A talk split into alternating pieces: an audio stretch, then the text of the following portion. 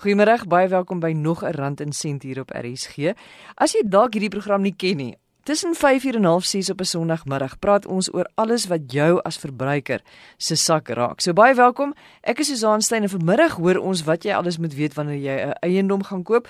Ons praat ook oor vakansiebedrog en dan die groot data-uitlek wat die industrie die afgelope week getref het. Toe persoonlike inligting van nagenoeg 60 miljoen Suid-Afrikaners in die kuberruim uitgelek het. Ek gaan hoor hoe dit jou en my raak en hoe ons kan voorsorg tref dat dit ons nie benadeel nie.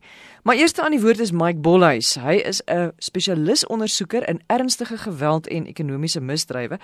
En Mike Hierdie tyd van die jaar, mense het eintlik al begin om hulle vakansieverblyf te bespreek, maar 'n mens hoor so dikwels dat jy het jou verblyf bespreek, jy het betaal daarvoor, dan daag jy daarop met jou familie, dan kom jy agter daar bestaan nie so 'n plek nie of dis mense in 'n woonhuis wat sê maar ons het nooit ons plek uh, verhuur of geadverteer om verhuur te word nie. Nou, hoe kan ons keer dat ons hierdie jaar so ingeloop word? Ja, ou moet oppas vir al hierdie advertensies wat so aanloklik en uh, onderprys voorkom want uh, die spreekwoord is maar so something is too good to be true it usually is so dis die eerste fout wat jy kan maak is om sommer net te val vir uh, al hierdie goedkoop advertensies wat vakansies aanbied. So wat is dan die regte manier om dit te doen of wat is jou wenke? As jy dan nou as publiek belangstel in hierdie goedkoop vakansie of jy het gehoor van hierdie advertensie of deur hierdie maat of vriendin of vriend wat vir jou iets deurgestuur het, of deur een of ander uh, obskure koerantjie wat ook al die eerste ding wat jy moet doen is is om die plek te verifieer. Die internet is van groot hulp daar. Google dit, vind maksimum inligting uit, kyk na die webwerf. Kyk eers wat is al die nommer inligting oor hierdie plek. Tweedens is om dan hierdie plek dan te bel en te vra dat hulle vir julle 'n behoorlike profiel te sal stuur met fotos en inligting, die bestuurstruktuur en dit is mos nou nie fout om reg vir die mense te sê julle is bang om sommer net deposito's te gee of hierdie goedkoop vakansie te aanvaar want daar's soveel mense wat al betalings gemaak het vir goedkoop vakansies en dan staan hulle voor dooie mans deur. So julle soek die maksimum inligting. Die oomblik as iemand negatief teenoor so 'n versoek reageer, dan het jy mos nou al klaar jou antwoord.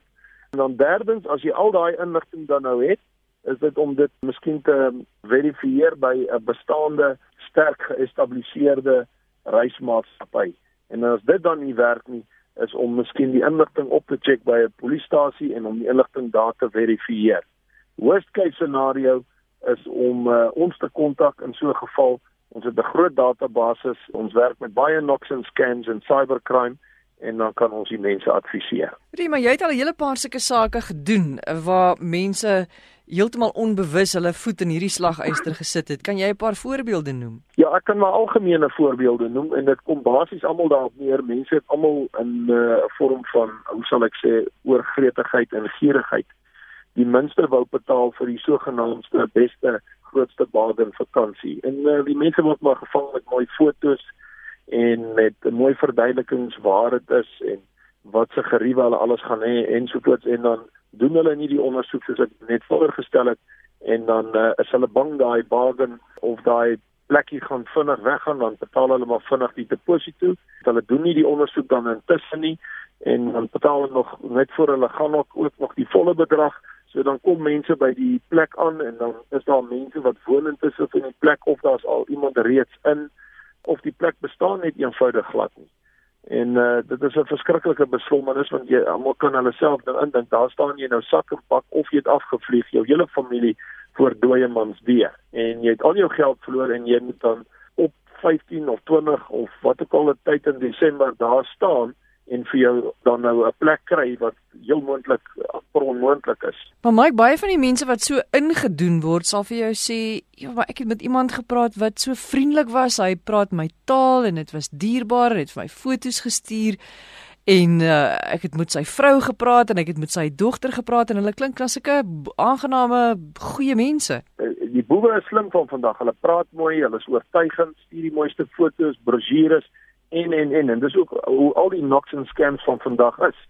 Maar hulle rely op jou gretigheid en jou gierigheid. Jou gretigheid een om hierdie vakansie te kry met al hierdie mooi fotos en al die mooi bewoordings en twee jou gierigheid en ek meen dit nie in 'n slegte lig sodat jy nou soveel duisende rande minder betaal terwyl jy eintlik weet dit is wat die plek kos.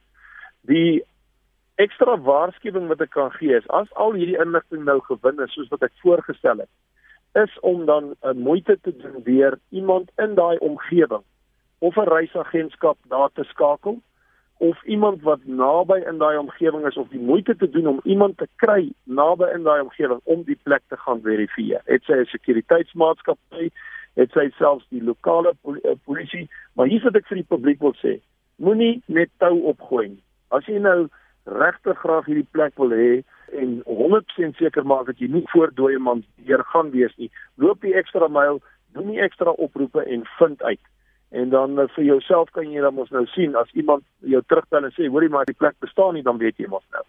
In daai geval wil ons die publiek versoek om asseblief, asseblief spaar jou medemense en stuur vir ons die inligting. Ons het 'n groot database, ons het 'n groot projekdatabase wat ons uitstuur ten minste elke 2 weke dat ons die algehele publiek kan waarsku om nie by hierdie partye betrokke te raak want om hulle te vang is eintlik godsonmoontlik. Mike, ek wil nou juist vir jou vra, sê nou maar jy jy is nou met 'n slap riem gevang. Wat is dan die hmm. beste wat jy dan daarna kan doen? Jy weet, hoe kan jy jou geld terugkry of wat wat is die beste ding om dan te doen? Dis baie moeilik, Susan. Hierdie is van die moeilikste sake om te ondersoek die polisie se infrastruktuur kan net eenvoudig nie voortbly met die knocks and scams en cybercrime wat in hierdie land is. Dit is 'n baie moeilike proses. En gewoonlik is die die mense wat geld verloor is gewoonlik nie te groot bedrae nie, maar dit kan party van hulle kan in die sê maar 100 of 10 of selfs 300 000 rand wees vir alles wat 'n groot groep is. Maar wat ons gesien het is 'n gewone klein bedrag en die meeste mense op die klein bedrag sien dit as skoolgeld en het hulle les geleer en sal nooit weer so fout maak nie. Maar die ouens wat nou werklik waar die saak wil verder voer is, moet eerstens ons in kennis stel en dan sal ons hulle kennis stel in hulle wijk waar hulle bly, waar hulle is, wie is die beste om te gaan nader in die polisie want jy moet 'n polisie saak maak vir twee redes. Een, om die statistieke gereeld in hierdie land op hoogte te hou en twee, sodat jy van 'n masnommer af kan werk om hierdie ouens te probeer vervolg. Maar om hierdie ouens sodra hulle sien as enige hitte op hulle dan verander dit net eenvoudig hulle nommers. Môre is hulle sê maar is vandag 'n rainbow holidays, dan is hulle môre sommer sunshine holidays. Vir die oomblik as hulle sien daar's navraag op hulle of hulle gaan moeilikheid kry of daar kom prokureursbriewe of polisie begin bel dan verander hulle eenvoudig hulle nommers.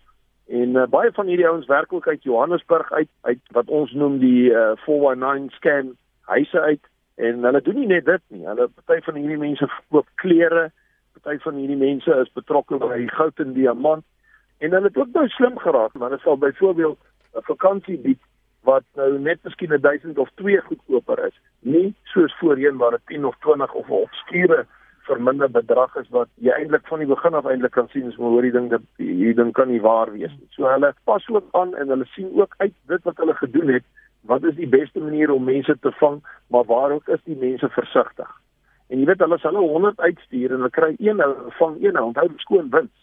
As hy by jou 'n deposit kry van R20000 'n dag, sê maar uit, hoeveel mense hulle kan jy vir jouself dink wat hierdie groepie mense maak? En hulle is gewoonlik ten minste tussen 2 en 5 mense wat saamwerk, want hulle doen die hele kantoor effek ook. Daar's 'n manager, daar's 'n dametjie wat die foon antwoord, daar is 'n uh, liaison officer, et cetera, et cetera. So hulle maak 'n hele reisagentskap en hoe hulle operate na. Mike baie dankie vir jou tyd. Ek waardeer dat jy met ons gepraat het. Dit is Mike Bolhuis. Hy is 'n ondersoeker in ernstige geweld en ekonomiese misdrywe. Jy luister na Rand en Sent. Jy het seker gesien in die koerante die afgelope paar dae oor die groot kuberdrama wat Suid-Afrikaners getref het. Mense sê ons kan ons nou regmaak vir 'n vlaag van kubermisdaad weens die reuse data lek wat onthul is. Miljoene Suid-Afrikaners se ID-nommers en ander privaat inligting is glo op die internet beskikbaar gestel.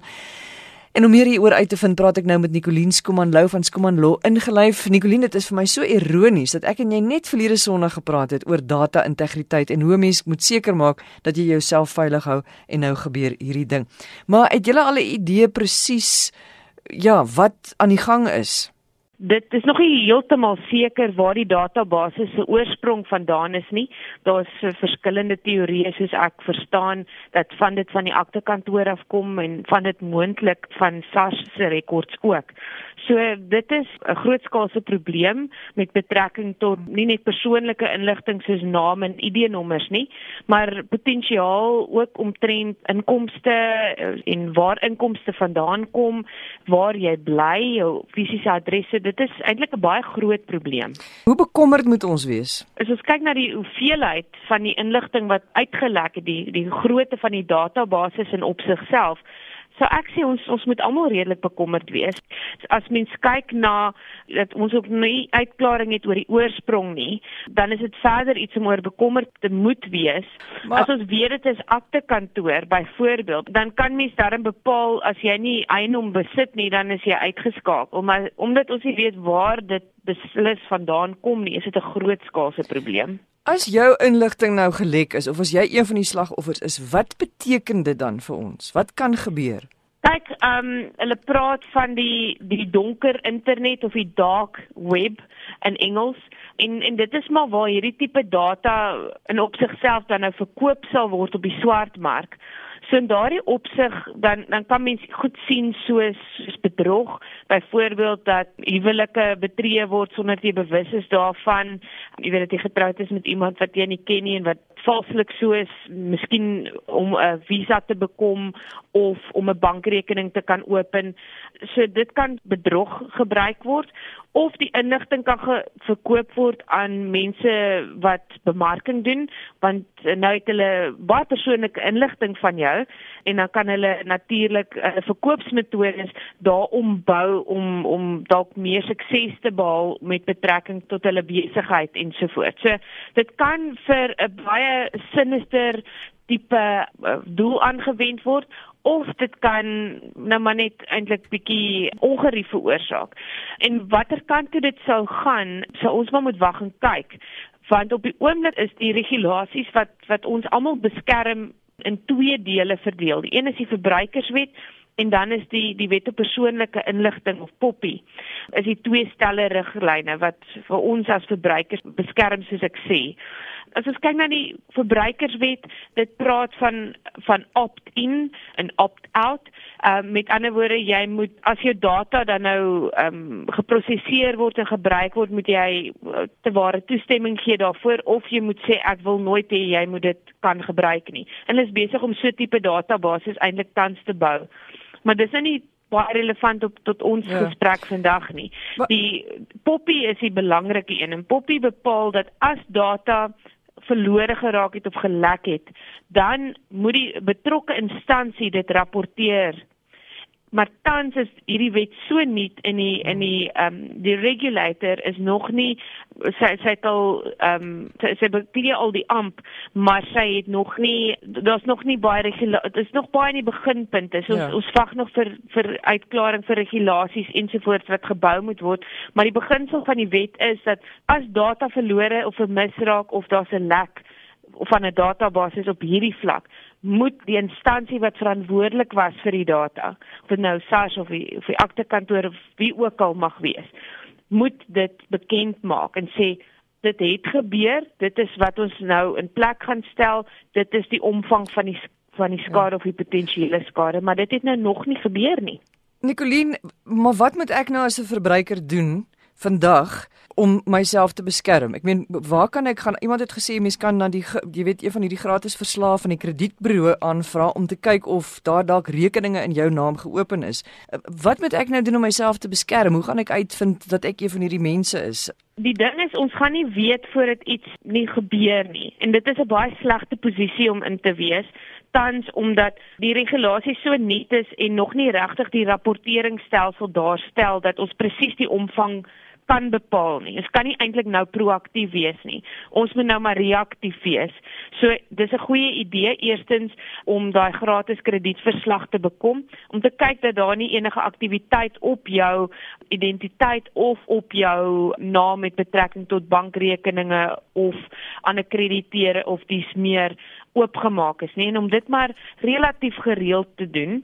Deur binnelandse sake is daar ook 'n diens wat mens jou ID-nommer kan SMS vir hulle sodat hulle vir jou kan sê wat jou huwelikstatus is, soos jy ongetroud is of geskei is, is dit 'n goeie idee om seker te maak dat jy nie met iemand dalk uh, getroud is wat jy nie van weet nie om om daardie tipe bedrog te identifiseer en dan natuurlik om enige oproepe wat wat dalk uit die ordinair is om om dit te begin nagaan en om net maar te, te kyk of of daar enige iets is wat jy oor bekommerd behoort te wees. Ja. Enige aktiwiteit op jou rekening ensovoorts. So mense moet maar net bedag wees, gaan jou rekeninge na, kyk na hierdie soort goed, want want iemand van die kredietburo, ek het in 'n koerantberig gesê, gesien 'n woordvoerder van 'n kredietburo het gesê niemand weet presies wat se inligting gelek is nie. So daar die persoon het gesê, "Wel, sy sien nie baie groot rede regtig vir paniek nie."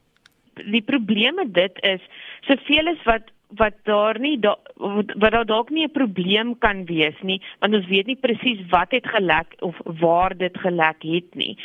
Is 'n argument maar die teenargument in in my opinie is ook om te sê omdat ons nie presies weet waarmee ons te doen het nie moet ons dalk eerder 'n klein bietjie versigtiger wees, klein bietjie meer bedag wees, uitkyk vir snaakse transaksies op enige van jou rekeninge of oproepe wat jy dalk mag ontvang of enige iets uh, op op die kredietverslag of dies meer.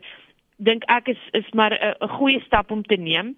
En verder is dit om seker te maak wanneer jy jou inligting deel in hierdie geval het ons nou nie veel beheer gehad oor die inligting wat op daai database was nie dit was daar en dit was voor die dae van al hierdie regulasies maar waar jy beheer het oor om jou inligting te deel, maak seker dat jy 'n paar stappe neem.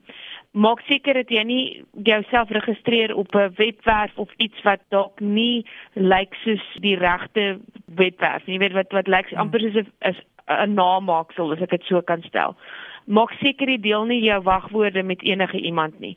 Moenie sommer net by enige internetkafee die wifi gebruik nie. Ons allerlei stappe wat mens kan vat net om jouself bedag te maak ook wat die risiko's met hierdie tegnologie is, wat die risiko's is as jy byvoorbeeld op jou selfoon daar's 'n funksie wat mens kan deel dat jou selfoon outomaties kan identifiseer waar jy is maar ons weet nie dat daai inligting dan deur ander instansies gebruik word nie net om om te volg waar jy is en en die goeie doel daarvan te bereik nie maar ook moontlik as iemand in jou selfoon inkom wat nie moet daar inkom nie kan hulle voorspel waar jy gaan wees en ten watter tye sosiale media al die tipe van goed. Ek dink ons almal moet net mooi verstaan hoe hoe die tegnologie werk en daardeur die risiko's identifiseer sodat ons ons inligting deel op 'n verantwoordelike manier en 'n paar redelike stappe vat om onsself ook maar te beskerm. Nicoline baie dankie vir jou tyd. Dis Nicoline Skuman Lou van Skuman Law ingelyf. Ons gaan voort met rand en sent hier op RSG. En as jy 'n eiendom gaan koop, is daar 'n paar belangrike punte waarvan jy bewus moet wees. Jean-Pierre van der Pool is 'n eiendomsagent in Kaapstad of in die Kaapse omgewing en Jean-Pierre of JP soos baie mense jou ken, wat is hierdie goed wat jy moet weet? Die eerste punte wat jy nou sal moet kyk is eerstens jou behoeftes en dit is wil jy lokker op gou gaan, dan gaan jy meer na deeltitel kyk of wil jy jou eie erf hê, jy doen jou eie onderhoud en jy kan gemaklik 'n hond of 'n dier ook aanhou. So as jy kyk na deeltitel, dan sê jy gemaklike leefstyl jou buiteonderhoud word gedoen, maar jy gaan dan 'n heffing elke maand hê.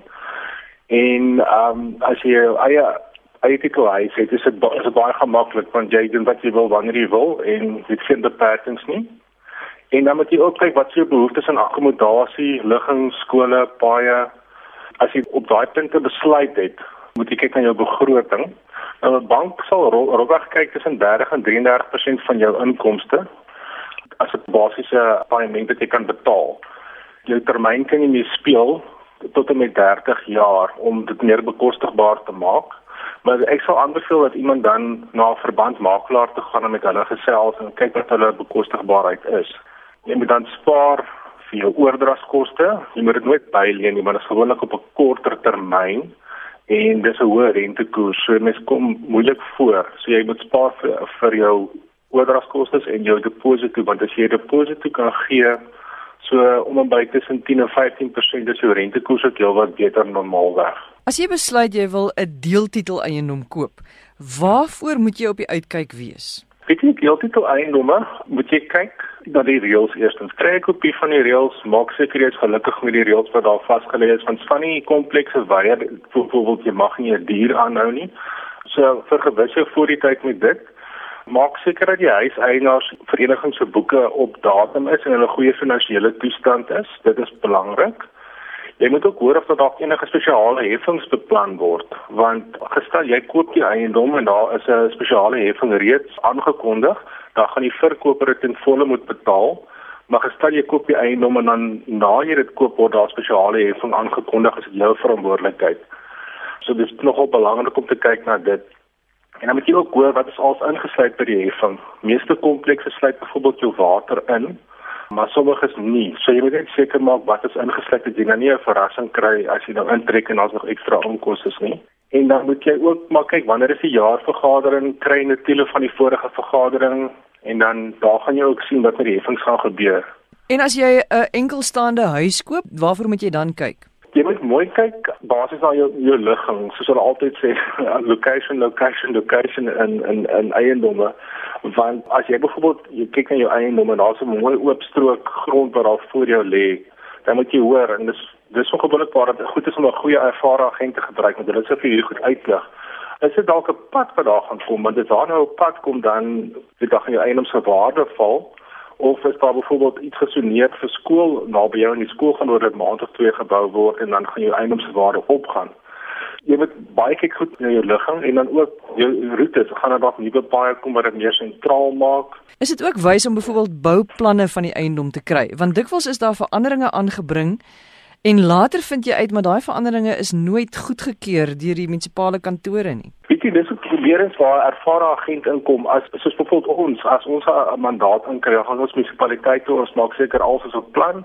Ons kyk of daar enige servitute op die eiendom is en uh, ons kyk ook dat daar geen grenskwessies is met die erwe nie. Want partykeer is daar oorskryding van 'n boulyn wat vroeër plaasgevind het wat nou moet reggestel word. So dit is vreeslik belangrik om dit na te gaan. Toevallig as jy nou uh, huis koop en dit gebeur dat dit nou nie gekyk is nie, jy het tot en met 3 jaar om terug te gaan na die verkoper toe om dit op plan te sit. Maar die beste is om dit te doen voordat jy eers 'n 'n kontrak laat deurgaan laat wat jy seker maak dis alles op plan en reg. Ek het nou net iets gelees van 'n voetstootsklousule wat mense deesdae in 'n kontrak inbring. So as jy daai eiendom koop en jy daai uh, kontrak geteken met daai klousule, dan sit verby, dan kan jy nie oor 'n maand of oor 'n jaar teruggaan en sê hoorie maar hierdie was nie eintlik reg nie of wat ook al. Kyk, die voetsoeklousule is al dekades lank in elke koopkontrak. Die verbruikersbeskermingswet het ingekom, maar dit is meer van toepassing as jy by 'n ontwikkelaar afkoop en daar's dis 'n heel ander dit is daar jy kan jare gesels met dit in die wetgewing rondom dit.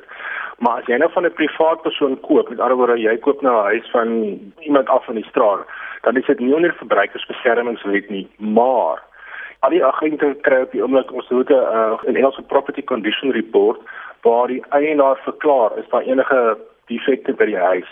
En ons gee dit aan die koper ook en hy teken dit saam met die koopkontrak om seker te maak dat hy weet presies wat hy koop. Dit maak dit lig skoon tussen almal. Maar al is daar voetstootklousule en jy kan bewys die verkoper het iets weerhou van jou. Byvoorbeeld hy het 'n emmer in die dak gesit en die huis het begin lekker jaar later tot die emmer nou oorloop dan kan jy hom uh, definitief aanvat en hy sal hy sal dit moet betaal. Dis al is voetstoot in die kontrak. Baie dankie Jean-Pierre van der Pool. Hy is 'n eiendomsagent in die Kaapse omgewing. Dis die einde van Rand en Sent. Ons praat volgende Sondagmiddag 5uur verder. Mooi week vir jou. Totsiens.